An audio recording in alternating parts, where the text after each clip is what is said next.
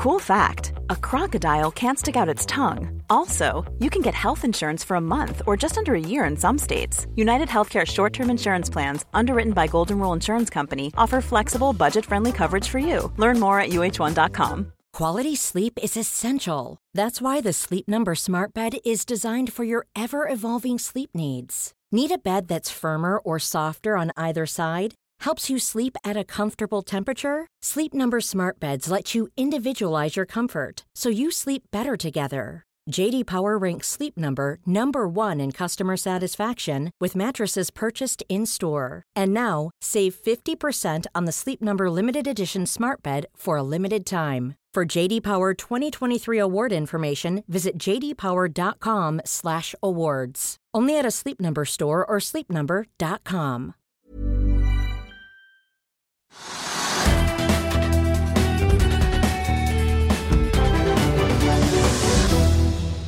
Velkommen til Økonominyhetene i dag tirsdag. I dag skal vi gjennom Oslo Børs. Vi skal se nærmere på oljepris og OPEC, i tillegg til USA. Vi begynner med noen hovedtrekk her hjemme.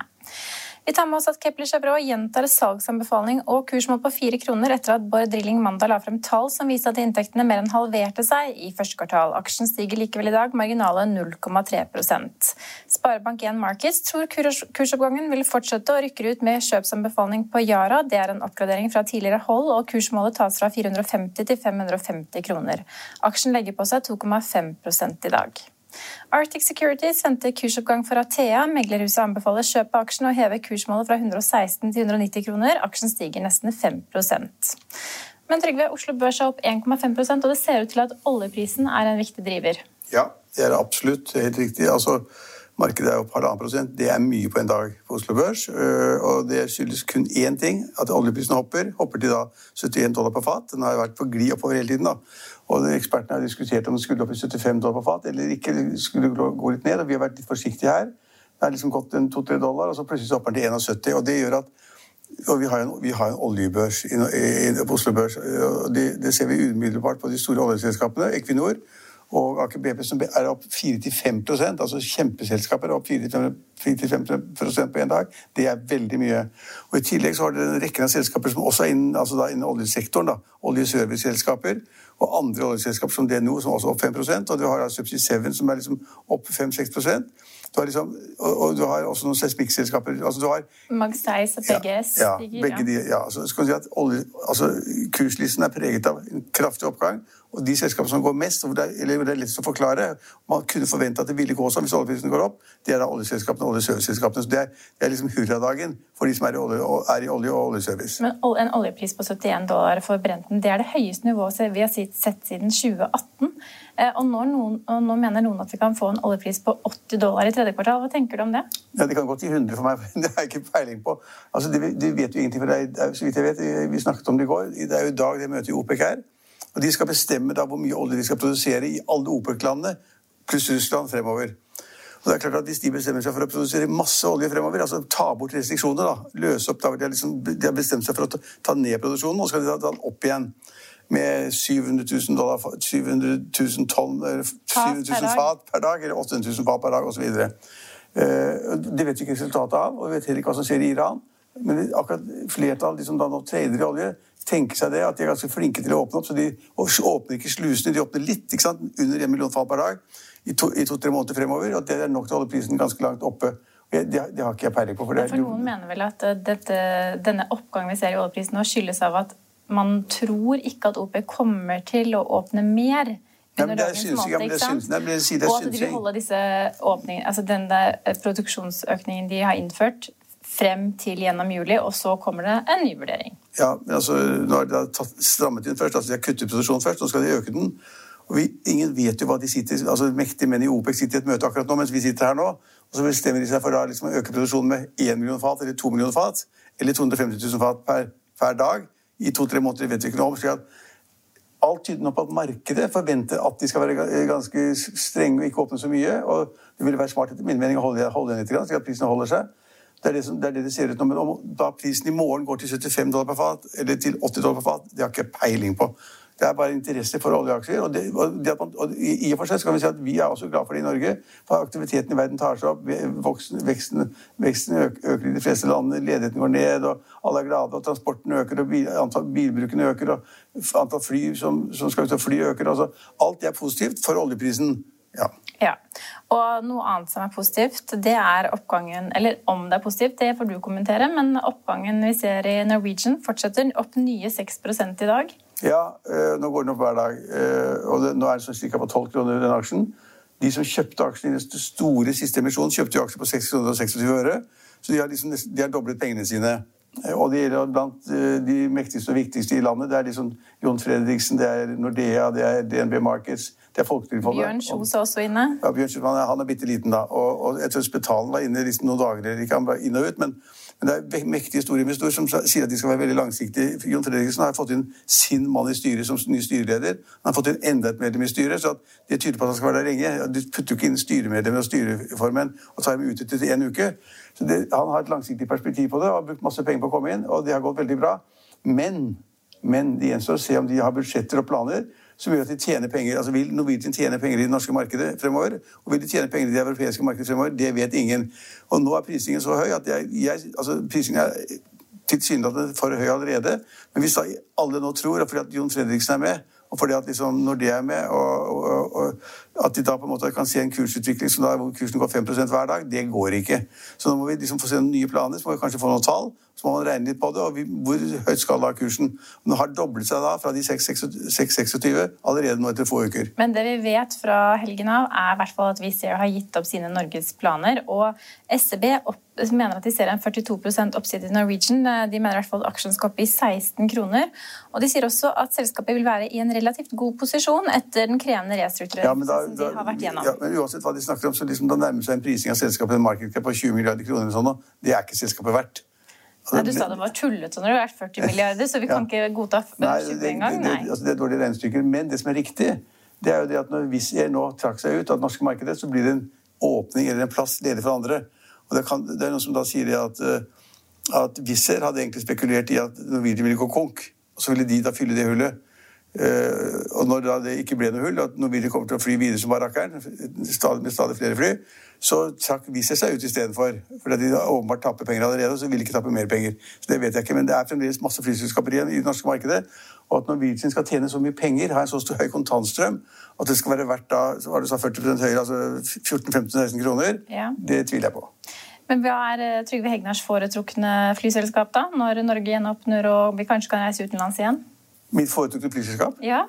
Nei, jeg har ikke noe foretrukne flyselskap. Jeg. Så det kunne like gjerne være SAS og Norwegian, eller omvendt? Ja, altså jeg har, når jeg flyr, så flyr jeg stort sett Hvis jeg skal utenlands, da, ja. så flyr jeg da etter pris. Og da Norwegian har vært et utmerket selskap, særlig på langdistanserutene, hvor de hadde en såkalt førsteklasse, eller businessklasse, som var veldig billig. Norwegian var et strålende selskap. SAS var ikke så veldig bra selskap da jeg reiste mye. De begynte å bli litt gamle, litt gamle fly og, så videre, og var, litt kjedelige, mens Norwegian var bedre. og Norwegian hadde nye fly både på innenlandsnettet og på langdistanseruter. Så jeg var blant den som heiet på uh, Bjørn Kjos i, i alle år. Vi trengte et nytt selskap, vi trengte en konkurrent til SAS. Men nå har vi liksom SAS, Norwegian og Flyr. Det er tre. Pluss videre. Det er fire. Ja. De er ganske mye. Og så North Atlantic som skal da Og North Atlantic som også skal komme, skal fly ut. Ja. Ta de langdistanseflightsene. Og der er Bjørn Kjos han aksjonær der også. Ja, han, han liker seg fly. Det, vi kommer ikke unna det. Men uh, en annen aksje vi snakker om ofte som er gjenganger på taperlisten om dagen, er Nell. Ned nye 4 i dag. Ja, Der er det kommet en uh, megleranalyse som sier at kursen skal ned fra 17 kroner til 5 kroner. eller sånn. Det er klart det er ikke særlig positivt for selskapet. Så den presses ned, og vi har da anbefalt den hele tiden at den skal ned. for Den har vært for høyt priset. Den har vært priset opp i 20-30 milliarder kroner. og Ikke har, ikke har noe særlig inntekt, ikke har noe overskudd. Og så allierte de seg med en veldig dårlig partner i USA som, ble, som ble, som ble liksom fengslet for bedragerier. vet ikke hva, Det var iallfall ikke bra. Så, så Nell har liksom ikke hatt noe særlig medvind, mens alle andre grønne aksjer har gått og gått så har den gått ned. Ja, og, og denne nedgraderingen er det da Sparebank1 Market som står bak, og da er da kursmålet tas fra 20 til 8 kroner til ja. 8,50. Ja, ja, for å være helt nøyaktig. Ja, men det er nesten 17,5 Men det er retningen som er litt skummel her, selvfølgelig, fordi at når de ikke tror på det i det hele tatt, så har de sikkert regnet på det og sett på det, og så ser de at tallene ikke stemmer, og så har de tenkt at her må vi bare få den aksjen ned. Ja, En annen aksje som er opp, eller dagens vinneraksje, er Bygma. Der har det vært en eh, aksjesplitt. Jeg, jeg, det selskapet kan jeg ikke så mye om. De har hatt et splitt 1 til 10. Så du kan si at hvis de har delt av den gamle kursen i 10, så er det sikkert noen som har sett på det som ikke skjønner noe. Tenkt at det var kjempebillig, og så kjøper de aksjen. Og så har de drevet kursen opp i nesten 20% i dag. Ja, opp 17% akkurat nå. Selskapet la jo frem eh, rekordsterke tall, eller i hvert fall de doblet overskuddet i første kvartal. Det fikk vi se forrige uke. Det er et sånt bygge ikke som byggevareselskap? Er sikkert bygge, byggevarehus eller noe sånt. Da. Ja, De bygger jo, gjør bygger, jo om som bare aldri før. Ja, alle bygger, alle bygger på det, helt riktig. Men jeg kan ikke tallene. Jeg bare sier at det var en splitt, og så går aksjen da 20 Det er ofte, ofte da at noen ikke har regnet på det, ikke skjønner det helt, og så sier de å, Bernt, så billig plutselig, og så kjøper de aksjen av den grunn.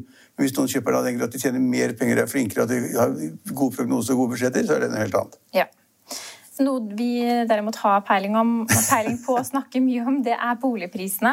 Nå I dag fikk vi Obos-tallene som viste en oppgang på Oslo-priser. På 0,2% ja. På landsbasis 0,6 Hva kan vi da lese ut av det i henhold til ja, tallene altså, som kommer senere i uken fra Eiendom Norge?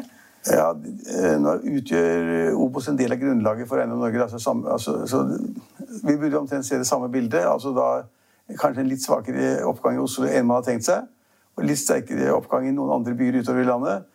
Og så er Det slik at eh, det ser ut som da det at Obos bare har en prisoppgang på 0,2 men nå har de hatt en nedgang i et par andre måneder. Så altså, Boligmarkedet ser ut til å flate ut akkurat nå. At det liksom er en litt dempning i prisene. Folk begynner å bli litt engstelige.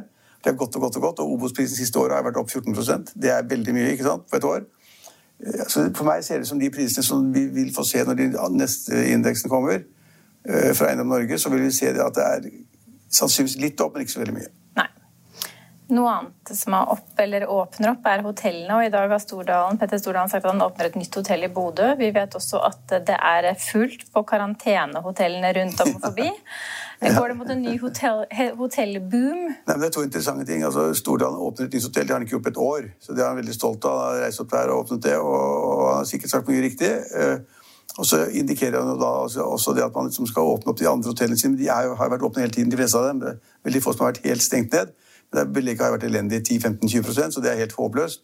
Og nå, så ser man det nå som er kommet som en melding i dag, som jeg syns er interessant. Det er det, det, du nevner der, at disse såkalte karantenehotellene på Gardermoen og andre steder, de er fulle.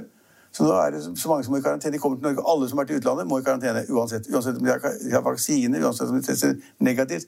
I karantene hvis de kommer fra utlandet, for vil man ikke ha den importsmitten. Og regjeringen var veldig seint ute, gjorde en dårlig jobb, politiet gjorde en dårlig jobb.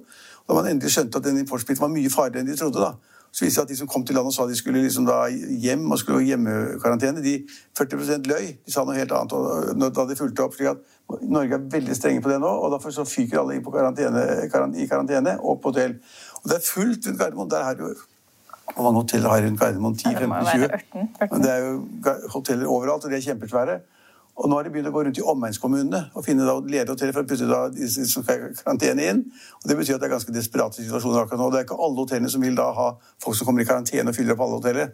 De skal ha det er spesielle matrutiner. De skal liksom servere, de får ikke lov å gå ut av rommet. De skal serveres mat på døra. og de skal ja, det er masse... Det er all hygiene og ja, rengjøring og sterilisering ja, og antibac som ja. skal gjøres på brett og mat og bestikk og glass og jeg vet ikke hva. Det er masse ekstrakostnader, så jeg tror at mange av de som blir spurt, de, de takker nei. Men, eh, nå vet jeg ikke om det var i Gardermoen og omegn, men i hvert fall 100 personer som ble sendt hjem fra et Sandefjord hotell pga. at det var smekkfulle korona... Ja, og det er altså, hele, hele omegnen rundt Oslo nå så spør de alle hotellene om de kan ta imot disse gjestene som da skal i karantene. Så det er ikke slik at alle de er urenslige eller ikke har tatt, tatt medisiner eller ikke tatt vaksiner eller ikke tatt, ikke, ikke tatt tester. De, men, men, det er fullt. Men, men den gjenåpningen vi ser i Norge nå, ville du anbefalt hoteller å ta imot uh, karantenefolk Nei, altså, fremfor ja, å kjøre vanlig belegg? Ja, Hvis jeg hadde hatt et vanlig hotell på Gardermoen, sånn som Petter Stordal har mange av, som da har plass til 500 000 passasjerer, så det bare kommer komme dem. De får 500 kroner stykket eller noe, per, per gjest bare kommer dem hotellet er tomt, men de andre hotellene som nå begynner å fylle opp sakte opp og få tilbake de gamle gjestene sine, som skal på kurs og konferanser og på en måte Sommerferie? De, de, da ville jeg vært litt forsiktig, for den blandingen kan være litt uheldig. Men det, men det interessante er at man tar inn så mange, nå stopper så mange som skal i karantenehotell, at hotellene er fulle, og du skal helt til Sandefjord. Men det er sikkert at folk som kommer til Torp flyplass. Ja. ja, det er jo en flyplass der også. Nybolig, nei, nybolig, nybilsalget, Trygve, det er kraftig opp. Men hva, er de tallene helt reelle? Nei, det tror jeg ikke. Men altså, Salget er opp 75% sammenlignet med mai i fjor. Men i mai i fjor var det rett etter at liksom pandemikrisen begynte. Epidemien. Den begynte jo 12.-13. mars. Og så liksom april-mai. Og akkurat da var jo alt stengt. Folk var livredde. Hva skal vi gjøre nå? Det er ingen som kjøpte noe som helst. Eh, og uh, absolutt ikke biler. Man skal bruke 200 000 kroner eller 500 000 kroner på en bil. En elbil til 150 000. Så folk var forsiktige. Det var et kunstig lavt salg i mai i fjor, to, tror jeg, uten å sette nærmere på det. Og Derfor så virket det prosentvise hoppet ganske stort, nemlig 75% så det, men jeg, men jeg, tror folk bruker mer penger. Og, og uh, hvor stor andel av nybilsalget det var altså da, Hvor mange biler var det? 14 000 biler eller sånt, nå som er solgt i mai. Nybiler. Hvor mange av det var elbiler? Det vet jeg ikke, men det var i hvert fall flest elbiler. Ja, det tipper det var 75% av de 75 igjen. Ja. ja, men det var 60% Det er bra gjetta. 60% av nybilsalget var elbiler. Så vi nordmenn vi kjøper elbiler. Vi er kjempeflinke. Og vi kjøper så lenge vi får den kjemperabatten at liksom, eh, momsen er borte og engangsavgiften er borte. Og så har den nye regjeringen som vil, vil komme etter september, sagt at de skal ta bort masse fordeler, så nå kjøper folk elbiler som hakka møkk. Og det var vel hovedtrekkene fra da. Og, og ja. ja. Og elbilfordelen er jo størst for de store bilene. Så hvis du kjøper en Porsche elbil, så sparer du liksom en million eller to. Så hvis du skal ha en Porsche elbil, eh, så må du gjøre det nå. For den fordelen vil sikkert bli tatt bort av en rød-grønn regjering. Da vil de heve, heve, momsen for alle biler over 600 000, har de sagt. Og så vil de ta bort engangsavgiften. Fordelen med det og sånn. Så en, sånn Porsche som du sikkert ønsker deg til jul, den, du, den må du kjøpe nå. Ellers må du ut med en halvannen til to millioner mer. Da får vi høre, håpe at alle hørte på når milliardæren ga sitt sparetips på elbil der på tampen. Jeg har ikke kjøpt, jeg har ikke kjøpt elbil. Vår sending er tilbake i morgen klokken 15.30. Følg med oss igjen da.